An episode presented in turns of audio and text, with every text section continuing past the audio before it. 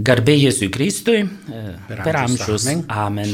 Kalba šiandien kartu su jumis du vienuoliai saleziečiai, abu italai, bet jau daugeliu metų gyvename Lietuvoje ir dirbame Vilniuje, Vilniaus Švento Jono Bosko parapijoje. Aš esu kunigas Aleksandras Barelli, tos parapijos klebonas, Saleziečių žinių žurnalo redaktorius. O kartu su manim pašnekovas kunigas Maksimas Bianko, mūsų vienuolino bendruomenės direktorius, tai yra vyresnysis čia Lietuvoje. Noriu iš karto atsiprašyti, jeigu uh, ypatingai mano balsas ir kartais ir kunigo Maksimo bus truputėlį užkimšęs. Mes per kučias visi keturi saleziečiai kunigai susirgome COVID ir po susirgymo ir buvo ir plaučių uždegimas. Jau pasveikome visi, bet iš kitos pusės be abejo dar ir pasiekmes jaučiamės ir kartais teks ir atsikosėti. Jūs atleiskite ir prinkime bent kaip nuoširdumas. Dėkojame Marijos radio direktoriui, kunigui Sauliui, kad pakvietė mus pravesti šitą laidą, dozuojant iš vienos pusės aktualijas ir ką veikia saleziečiai dabar ir ypatingai sugriežtinto karantino metu, kai mes atsiliepiam į pastoracinius iššūkius. O pretekstas arba iš kitos pusės, apie ką kalbėsime. Šį sekmadienį, sausio 31 dieną, minime liturginę šventę Švento Jono Bosko. Tai mums Vilniuje, parapijoje yra pagrindinė metų šventė lokalinė, tai yra mūsų atlaidai ir būtent ruošiame tą šventę, skleidžiant ir kalbant viešai apie kunigo Bosko asmenybę. Būtent norime pradėti šią laidą atsiliepiant į klausimą, o kas buvo tas kunigas Bosko, ką jis ypatingo darė.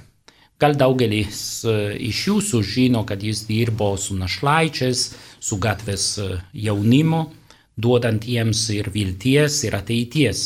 Bet jeigu reikia destalizuoti daugiau, ką ypatingo padarė, gal ne visi ir žinos mes nesiūlome žvelgti į kunigą Bosko kaip alternatyvą Jėzui ar katalikų tikėjimui.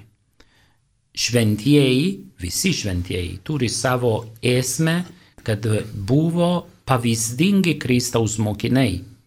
Ir mes galime priimti jų pavyzdį, kuris galėjo būti ir keletas šimtų metų atgal arba prieš keletas dešimt metų, Nesvarbu, kada jie gyveno, bet aktualizuojant jų gyvenimo bruožus, pritaikant prie dabartinės situacijos, mes galime išmokti, kaip ištikimiau ir karščiau sekti paskui Jėzaus.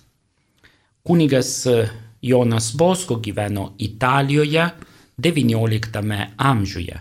Gimė 1815 metais, mirė sausio 31 1888.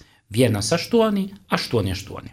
Tai jis nebuvo vienintelis, kuris savo laikais rūpinosi apie apleistą jaunimą, buvo ir daugiau ir pasauliečių, ir kunigų, ir vienuolių. Bet ką jis padarė ypatingo?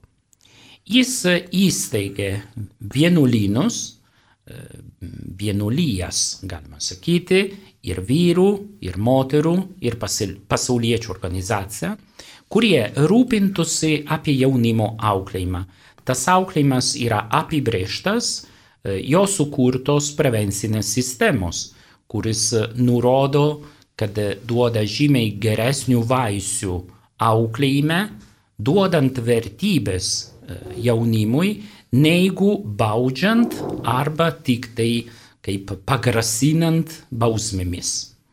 Būtent ta prevencinė sistema, kurta kunigo Bosko, yra mūsų kaip saleziečių vyrų vienuolijos esmė, Marijos krikščionių pagalbos dukterų instituto kongregacijos esmė yra salezietės seserys ir saleziečių bendradarbių asociacijos yra pasauliečiai su priesaika būtent skleisti pasaulyje Švento Jono Bosko charizmą ir prevencinę sistemą. Ir saleziečiai, ir salezietės, ir saleziečiai bendradarbiai egzistuoja Lietuvoje, apie tai kalbėsime truputėlį vėliau. Ką galime išmokti iš kunigo Šventojo Jono Bosko būtent pandemijos metu? Jis daugelį kartų turėjo sunkumus ir situacijas, prie kurių buvo žmogiškai neįmanoma rasti išeities. Bet jis pasitikėdami Dievo vaizdai stengiasi iš tikrųjų ir jis pats, ir nurodyti ir kitiems, kad tik tai malda ir pasitikėjimas Dievu, be abejo kartu su žmogaus e, pastangomis, gali e, duoti gerą išeitį. Tai aš dabar paprašysiu kunigą Maksimą e, mums papasakoti apie sunkę e, kunigo Bosko pradžią, kada jis buvo išvarytas iš įvairiausių vietų su, savo, su tais vaikinais, su savo veikla, e, nes tie vaikinai triukšmaudavo, žaisdavo gal ne taip tyliai ir tvarkingai ir žmonės pasipiktindavo, išvarydavo iš vienos, iš kitos, iš kitos vietos. E, duoda mums suprasti, nes tuo atveju kunigas Bosko pasiekė dugną nebežinojo, ką daryti, nebežinojo po keletą dienų, kur eiti su tais e, jaunuoliais. Išklausysime, jis ir komentuos, ir papasakos, e, skaitys iš knygutės Meilės tako, kurį, žinote, e, gal daug iš jūsų ir turi namuose, buvo išleista, kada Šventojo Jonobosko relikvija apsilankė čia Lietuvoje 2014 metais. Garbėsiu Kristui, kunigas Bosko, grįžtam truputį atgal, kodėl rūpinosi apie vaikų ir jaunimą. Turinė savo laiku buvo pilna vaikų ir jaunuolio, kurį be, per gatvės eidavo, dažnai vailiaudavo, kadangi neturėjo darbo, neturėjo tėvų. Buvo atvykęs iš visų pusių į Turiną, kuris buvo sostinė, ieškodama savo ateitį, bet dažnai rasdavo tik išnaudojimo, smurtą, kartais kalėjime. Ir, kaip žinote, kunigas Bosko aplankydavo kalėjimuose vaikų būrį ir išeidavo šokiruotas. Ir sakydavo viešpatė, kažką reikia daryti, kad jie nepateiktų į kalėjimą. Reikia jiems iš anksto išgelbėti. Jeigu rastų kažkokią draugą, kuris pasirūpintų apie kūną ir sielą, dauguma iš jų būtų išgelbėti. Ir tada suko galva, ką daryti. Pirmiausia, pradėjo eiti per gatves, kalbėti su vienu, su kito, pritraukti, kur pritraukti. Bent sekmadienis, kuris e, dar tęsė savo studiją iš pradžios, jis skaitom dabar iš meilės tako, kunigo Bosko kviečia savo mažuosius draugus į Torino bažnyčino konvikto, kuriame tęsė teologijos studijas, patalpas ir kiemą. Tačiau che po pussantro metų studijos baigė jam pasiūlymą dirbti kapelionu Markizės Barolo įsteigtoje mergaičių preglaudoje. Kunigo Bosko pasiūlymą priima ir savo sekmaninį oratoriją perkelia į šios įstago kiemą, bei du kapelionų skirtus kambarus.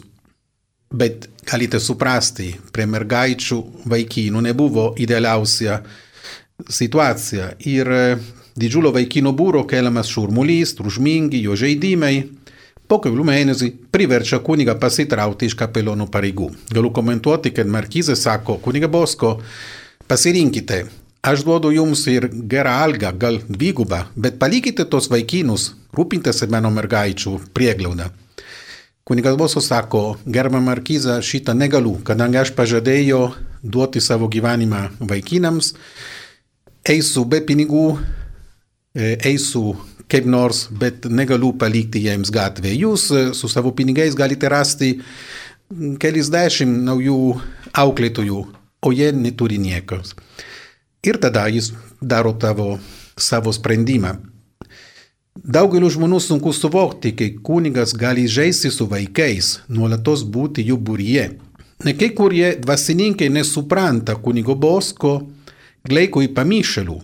Era toks epizodas, nes du kunigai bandė įkišti į, į psichiatrinę ligoninę, bet kadangi kunigas Bosko suprato, kad atėjo jam pasiimti, sako, kunigai, pirmiausia, eikite jūs į, į vežimą, paskui eisiu. Jis uždaro duris, sako, važiuokite.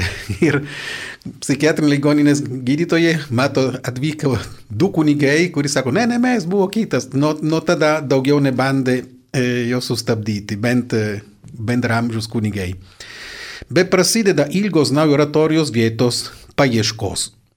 Visi purtosi tružmingos ir pažiūros įtartinos kaiminystės. Jis net aplankė prie vieno kapinės vietą, Italija San Pietro in Vincoli, bet ten irgi negalėjo ilgai pabūti.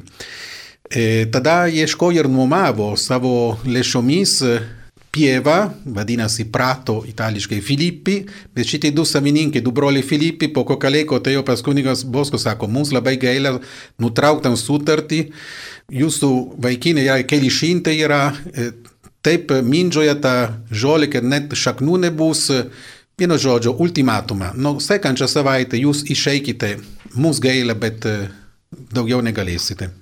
O Dievas tada pasirūpino duoti jam vietelę irgi skaitau iš knygelė Meilės takas. 1846 metais, kovą, kai ir vėl gavau laišką, kad privalau įsineždinti iš pievos, čia kalba kunigas Bosko, kur rinkdavosi vaikai, išėjau pats vienas pasivaikščioti ir pravirkau. Mano Dieve, tarau, kodėl nenurodai man vietos, į kurią turėčiau perkelti oratoriją? Leis man suprasti, kur yra toji vieta, arba pasakyk man, ką turiu daryti. Vos ištarus šios žodžius, prie manęs prisiartino vienas žmogus - Pankracijus Soave. Ir truputį užsikirždamas paklausė, ar tiesa, kad ieškote vietos laboratorijai? Ne laboratorijai, o oratorijai. E, nežinau, ko jos skiriasi, tačiau tokia vieta yra. Ateikite jos pažiūrėti. Tai pono Pranciškaus Pinardi, garbingo žmogaus valda, galėtume su juo sudaryti sutartį. Pankracijus suave palydėjo mane prie dviejų aukštų namelio, labiau panešėjusių į lūžną, sunetašyto medžio laiptais ir balkonų. Aplink plytėjo daržai, pievos, laukai. Jau buvau belypas laiptais aukštyn, bet ponas Pinardi mane sustabdė. Ne, jums skirta vieta yra kitoj pusėje. Tai buvo ilga nuoleidi stoginė, 15 metrų ilgio ir 6 metrų pločio, kuri vienu galu rėmėsi į namo sieną, o kitas jos galas buvo vos per metrą iškilęs virš žemės. Pernelyg žema, man netinka, tarau. Čia galima kai ką pakeisti, jei norite, mandagai pasiūlė šeimininkas. Iškasiu žemę, surensiu laiptus, sudėsiu naujas grindis – Labai norėčiau, kad čia įrengtumėte savo laboratoriją. Ne laboratoriją, bet oratoriją. Nedidelė maldos vieta, kurie galėčiau suburti vaikus. O jo geriau. Tai šaunus žmogus jautėsi išties patenkintas, galėdamas savo namuose turėti bažnyčią. Mano mielas draugė tarau, dėkoju Jums už gerą valią. Jei pažadėsite man per pusę metro nukasti žemę, Jūsų pasiūlymą priimsiu. O kokia bus nuomos kaina? 300 lyrų. Mokėsiu jums 320, jei išnuomosite man ir aplink stogę esantį žemės gabalėlį, kai vaikai galėtų jame žaisti. Sutarta. Sandoris sudarytas. Tikinas nubėgo pas vaikus, sukviečiau juos ir sušūkau. Džiaukitės mano brangiai, pagaliau turime oratoriją, kurios iš mūsų niekas netims. Turėsime bažnyčią, mokyklą ir kiemą žaidimams. Įsikursime prie pono Pinardi namų. Ranka mostelėjo į būsimos oratorijos pusę. Mano žodžius vaikinai sutiko neapsakomai entuziastingai. Suklūpome pievoje ant žolės ir paskutinį kartą šioje vietoje sukalbėjome rožinį. Ten iš kunigo Bosko lūpų ir prisiminimo tokia viena iš svarbiausių momentų, kada tikrai galima sakyti, panašiai kai Jėzus e, Olivos sode prie savo kančio sako, ką man daryti, tėve, rodyk man kelią. Ir iš karto Dievas davė jam neiškilmingo e, rūmų vietą, kokią mažą stoginę, bet kuri iki šiol laikosi kaip mūsų visų saleziečių namų pradžia. Ir ta koplyčia Pinardi, kuri iki šiol lieka Valdokė Turine. Dar kitą pavyzdys galima, žvelgdami į kunigo Bosko gyvenimą, kada tikrai jam buvo didelė iššūkis ir sunkumus, kada su Marijos krikščionų pagalbos nurodymo per sapną jis paskelbė pirmiausia savo salėdžiečiams, kurie jau buvo sukūrę, kai kongregacija Marija nori, kad statytume didelę baziliką savo garbei. Bet ką daryti kunigo Bosko? Nieko, jinai mums padės. Ir tada kunigas Bosko, galima sakyti, turėjo pirmiausia pramušti kitų žmonių abejonų, kai galima tokiu sunku laikotarpį jau jis buvo kamuojamas nuo skolų dėl vaikų maitinimo, buvo keli šimtai jau valdokai, studentai, darbininkai. Dar pradėti tokią milžininską darbą be jokių finansavimų, be jokių garantijų. Ir vieni kiti sakydama, šią kartą kuniga Bosko tikrai suklups ir viskas, gal jam važiavo stogą, ne, neįmanoma. Bet vis tiek jis pradėjo rašyti, pakviesti geradarų visur ir žadėjo, kad Marija tikrai gražins visiems geradarams malonų su malonu. Ir taip atsitiko, kad pagaliau gavo leidimą pradėti statybų darbų, darbų ir su savo pirmo pagalbininko Giuseppe Buzzetti davė jam pareigą pradėti surinkti medžiagą, ieškoti darbininkų. Buzzetti sako, gerai, kuniga Bosko, duokite man kokį avansą, kad aš galėčiau bent pradėti nupirkti. E, jis ištraukė savo piniginę ir sako, no, ink, kas ten yra. Ir buvo, galima sakyti, šiandien gal keli euro, nedaugiau kaip 5 ar 6 eurai mūsų pinigų vertė. Bucetti savo akimis matė tokią menką auką ir nežinojo, ką daryti. Bet kuniga Bosko padrasino jam, nebijok, Marija pasirūpins.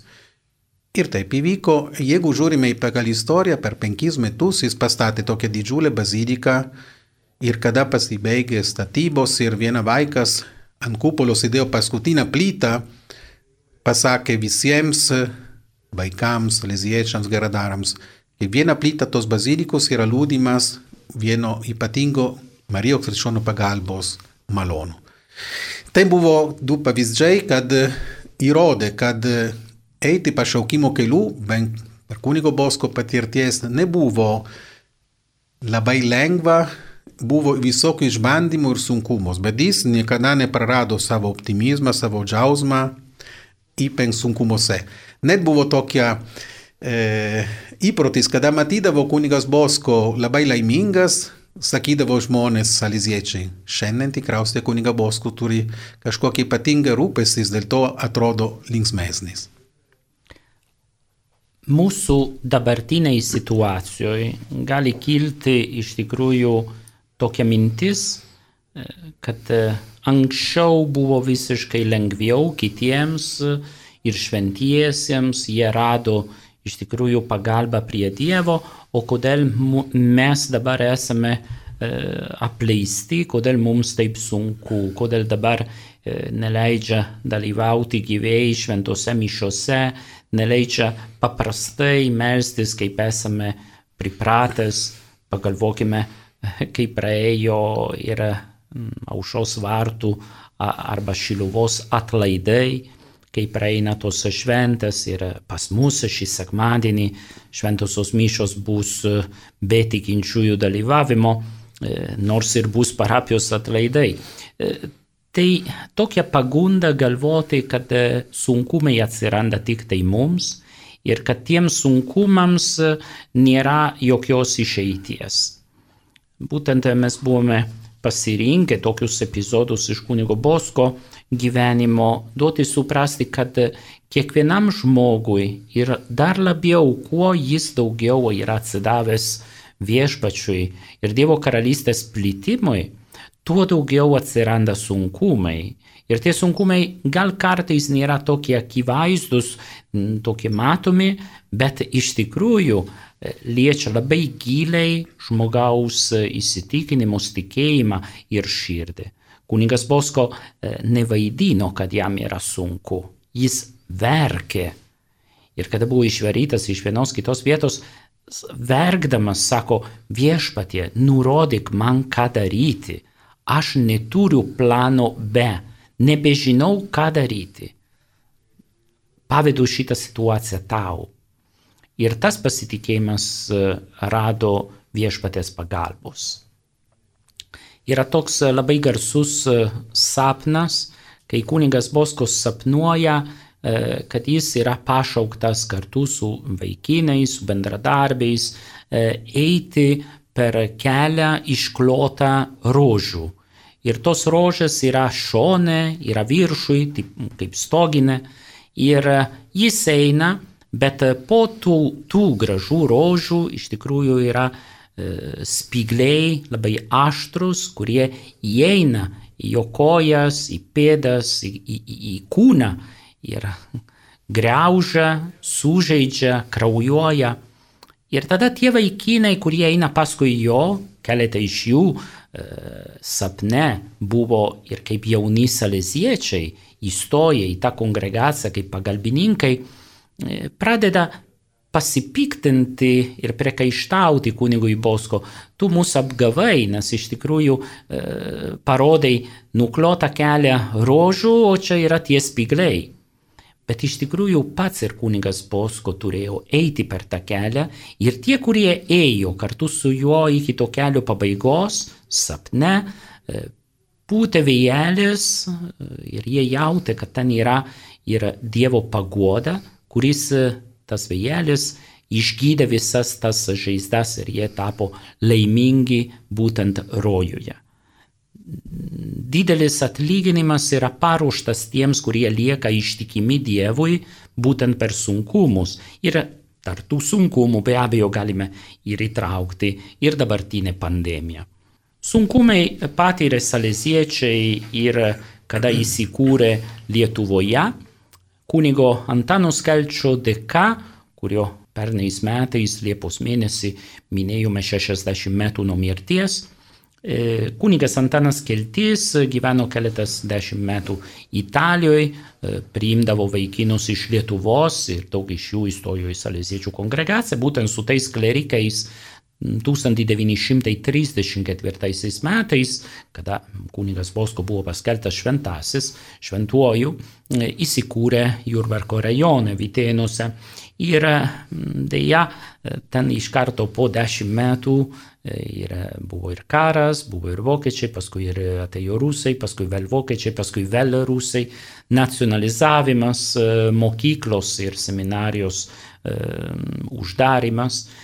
Saleziečiai įsibarstė per visą pasaulį, ypatingai lietuvių bendruomenėse, ir Brazilijoje, ir Kanadoje, ir Kolumbijoje, Junktinėse valstijose, Australijoje.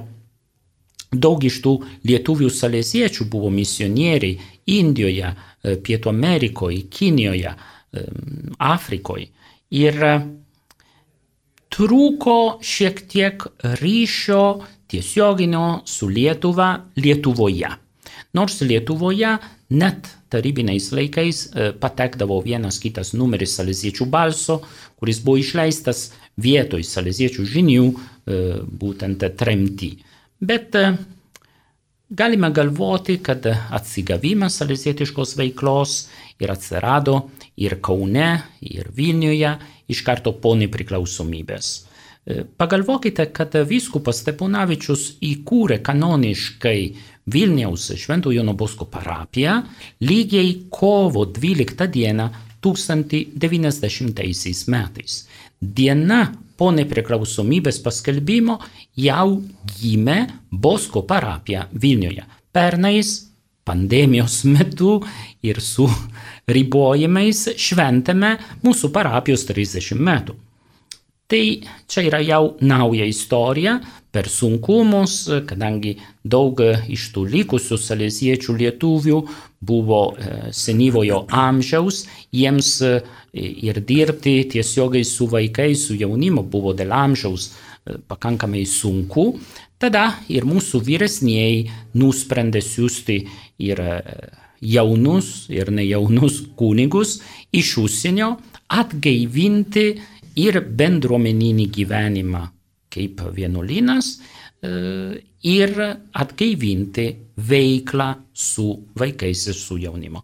Dabar kunigas Maksimas galėtų mums pakomentuoti apie tų užsieniečių atvykimą į Lietuvą, tarp kurių be abejo esame ir mes patys e, du. Labai trumpai, nes laikas spaudžia, bet e, istorija jau yra dabartinė. 96 metais kunigas Aleksandras pradėjo vasaros metu su jaunimo iš Italijos grupės aplankyti Lietuvą ir pasirodė jam norą irgi atiduoti savo saliziečišką veiklą Lietuvoje, po truputį augo, stiprėjo ir 98 jis atvyko nuolat nuolatiniai. Prieš to 96 iš Lenkijos buvo siūstas kunigas Jacekas, kurį ypatingai Vilniuje dirbo parapijose. Ir po to 2000 metai buvo mano eilė, labai paprastai aš irgi noriu būti misionierius ir buvau Romoje tuo laiku, generalinė namuose, nuo 96 pradėjau galvoti rimčiau apie misijas. Ir vyriausias rektorius man sakė, 2000 metų bus jubilėjiniai metai, darysime didelę misionierių ekspediciją, tu pasiruošę, žiūrėsim, kur tave siūsi. Ir kadangi kuniga Aleksandras irgi buvo kalbėjęs apie Lietuvą vieną kitą kartą, atvažiuodamas į Romą į generalinį namus, nusprendėme, kad galėjo irgi prisijungti į tą komandą ir buvo siūstas lapkričio 15 2000. Tęsiasi dar istorija, kadangi gyvenimas eina toliau. Aišku, kad saleziečiai lietuviai vieną po kitą paseno ir dėja pasiekė amžiną karalystę, mirė. Tada buvo siūsti ir kiti laikiniai iš užsienio, iš Italijos, iš kitur. O paskutinę dovaną, kuris gavome nesenai, prieš metus, 2020 metų, jauni kunigai saleziečiai, kur irgi prašė būti misionieriais, vienas iš Argentinos, vardas Aleksis, kitas iš Filipinos, vardas Oliver, prisijungė.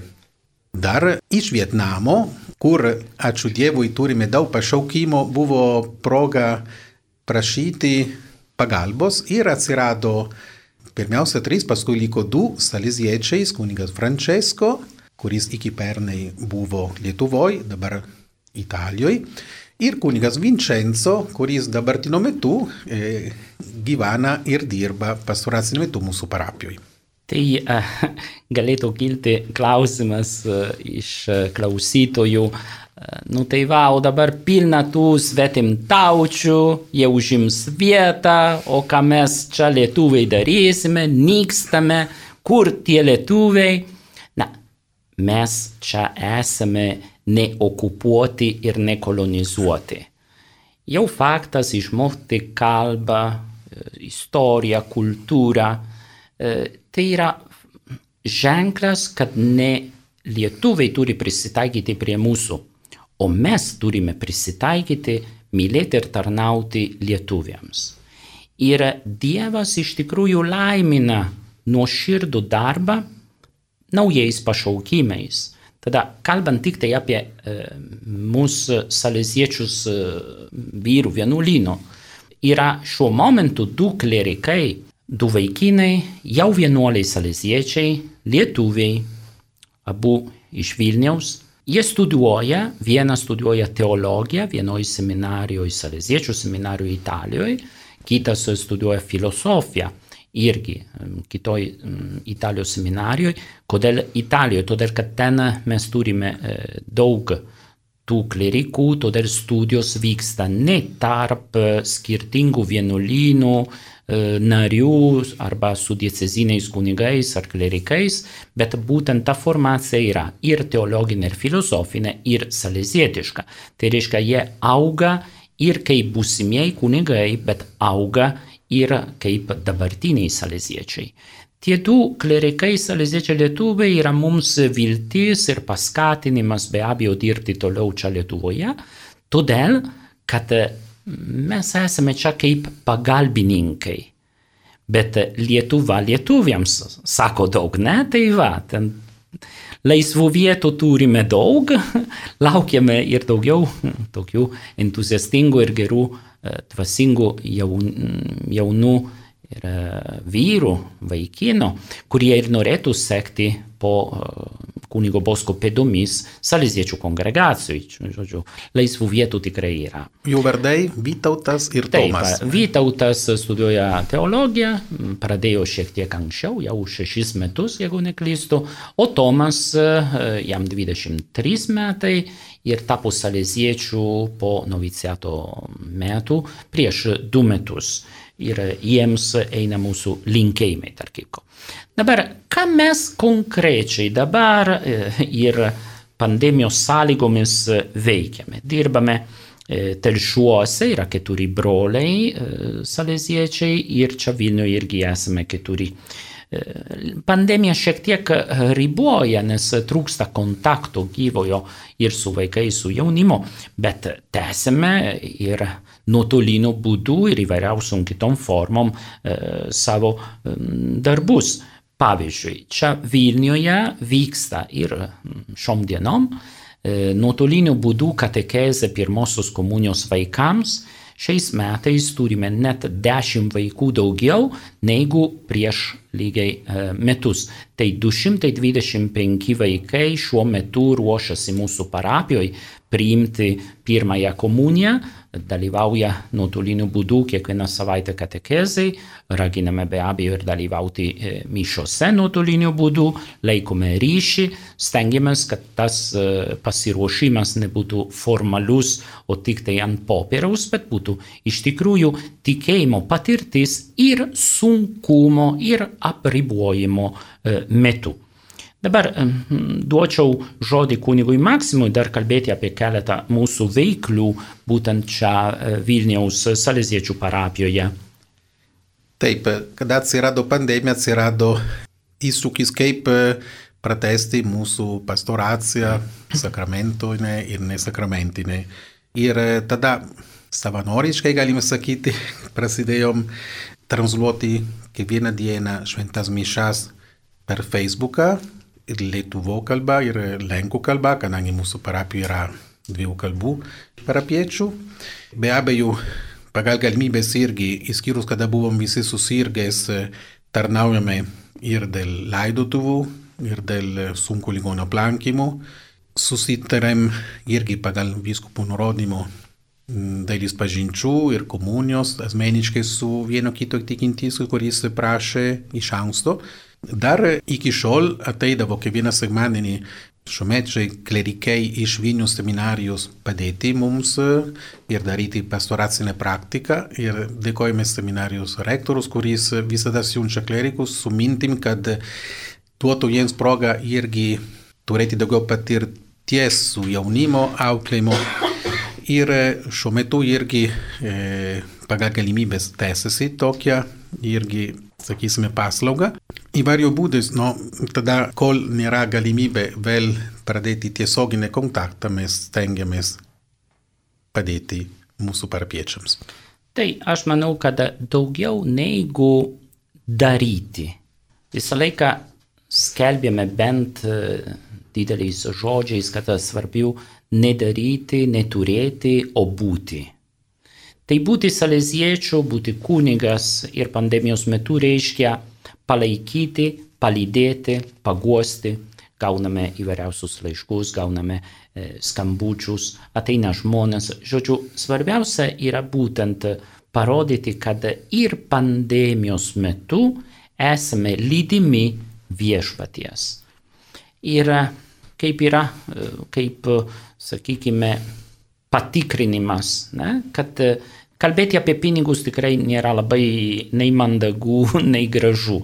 Bet aš noriu nukreipti dėmesį į tokį dalyką, kada parapiečiai mato, kad kunigai stengiasi dėl jų ir remia aukomis ir mišių stipendijomis. Broliai seserys Kristuje, padėkite savo klebonams, padėkite savo kunigams, nes ta auka, kurį jūs duodate, nėra tik tai pinigų reikalas. Čia mes nekalbame apie išlaikymą. Aišku, yra sunkumas, jeigu žiūrime, kad mes Lasdynuose Vilniuje e, už gruodžio mėnesį turėjome mokėti tik tai už dujas 1800 eurų ir reikia mokėti iš kažkur, ne? Ir bažnyčia buvo uždaryta pusę mėnesį. Bet kada jūsų klebonas, kada jūsų kunigas gauna e, auką arba prašymą e, užsakyti mišas, jis tada iš karto jaučia, kad parapiečiai yra vienybėje, kad parapiečiai lydi mane, kad parapiečiai gerbė, įvertina. Ir tai yra tikrai didelė, didelė pagoda.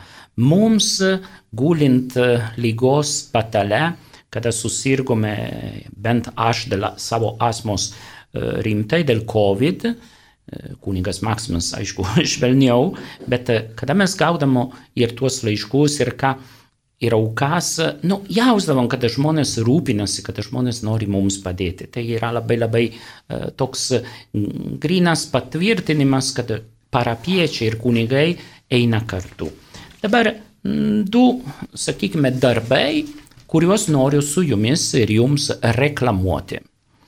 Pirmas yra, kad šį sekmadienį, sausio 31, kada švesime tuos atlaidus, per LRT Plus televizijos kanalą bus transliuojamos šventosios mišios iš Vilniaus Švento Jono Bosko bažnyčios 12.30. Tai mums yra Dievo dovana, Dievo vaizdos dovana, todėl kad ir to tie senyvojo amžiaus mūsų parapiečiai ir visoje Lietuvoje žmonės, kurie neturi galimybės prisijungti per internetą prie Facebooko paskyrą, Ir tie senyvojo amžiaus, ir tie žmonės, kurie neturi interneto, turės galimybę dalyvauti mišiose nuotoliniu būdu kartu su mumis minint ir švenčiant Joną Bosko. Tai yra būdas tarsi mums iš Lasdynų parapijos kalėdoti savo parapiečius, įeiti į jų namus. Todėl e, ypatingai kreipiuosi į lasdiniečius, bet į visus žmonės, kurie šį sekmadienį e, žiūrės mišas e, per LRT Plus kanalą, būtent e, prisijungime maldą ir prašykime Švento Jono Bosko užtarimo, būtent ir pandemijos metu. Kitas veikla, kurį nuolatinė mes darome, yra, yra išleisti Saleziečių žinių žurnalą keturis metus keturis kartus per metus. Praeitą savaitę, nepaisant COVID ir plaučių uždegimo, e, supakavome, etiketavome ir vežėme į pašto e, logistikos centrą čia Vilniuje e, daugiau negu 6000 egzempliorių. Daug iš jūsų gavo gal ir paštu jau e, saleziečių žinių kalendorių. 12 mėnesių. Kiekvieną mėnesį yra vienas pasakojimas Bruno Ferrero, kuris yra kunigas salezietis. Ir yra būtent atnešti vilties lašą į tokios pandemijos dykumą. Tai jeigu mm, negavote paštų ir norite gauti, galite rašyti mums paprastą laišką saleziečiai Erfurto 3 Vilnius. Labą dieną, girdėjau per Marijos radiją, norėčiau gauti ir saleziečių žinių, norėčiau užsiprenumeruoti. Nu, kiek kainuoja, nu, mes neparduodame saleziečių žinių žurnalo ir kalendoriaus, siunčiame nemokamai visiems, kurie to prašo, be abejo, raginame visus skaitytojus pagal savo išgalės, pagal savo galimybės prisidėti prie leidybos kaštus, siunčiant gal vieną kartą per metus, gal du kartus, laisvai, kada žmogus gali ir nori, ten žurnalai yra parašyta puslapį 34, nurodymus, kaip e, ir paremti žurnalą. Bet ten yra laisva auka, nėra nustatyto mokesčių ar ką. O tose parapijose, kur dažniausiai rasdavot saleziečių žinias, e, pradėsime platinti šią savaitę, kitą savaitę, supranta, kad dabar su to e, sniegu tampa labai sudėtinga ir vežti, todėl šiek tiek užtrūksime, bet ir šitas eina su Dievo pagalba ir mes pasitikime tą vaizdą, kaip ir kunigas Bosko. Brangus klausytojai, atėjome prie pabaigos tos mūsų laidos, kada bandėme įsiaiškinti visų pirma kunigo Bosko, kurio bus šventė šį sekmadienį, reakciją į sunkumus, jo pasitikėjimą viešpačiu.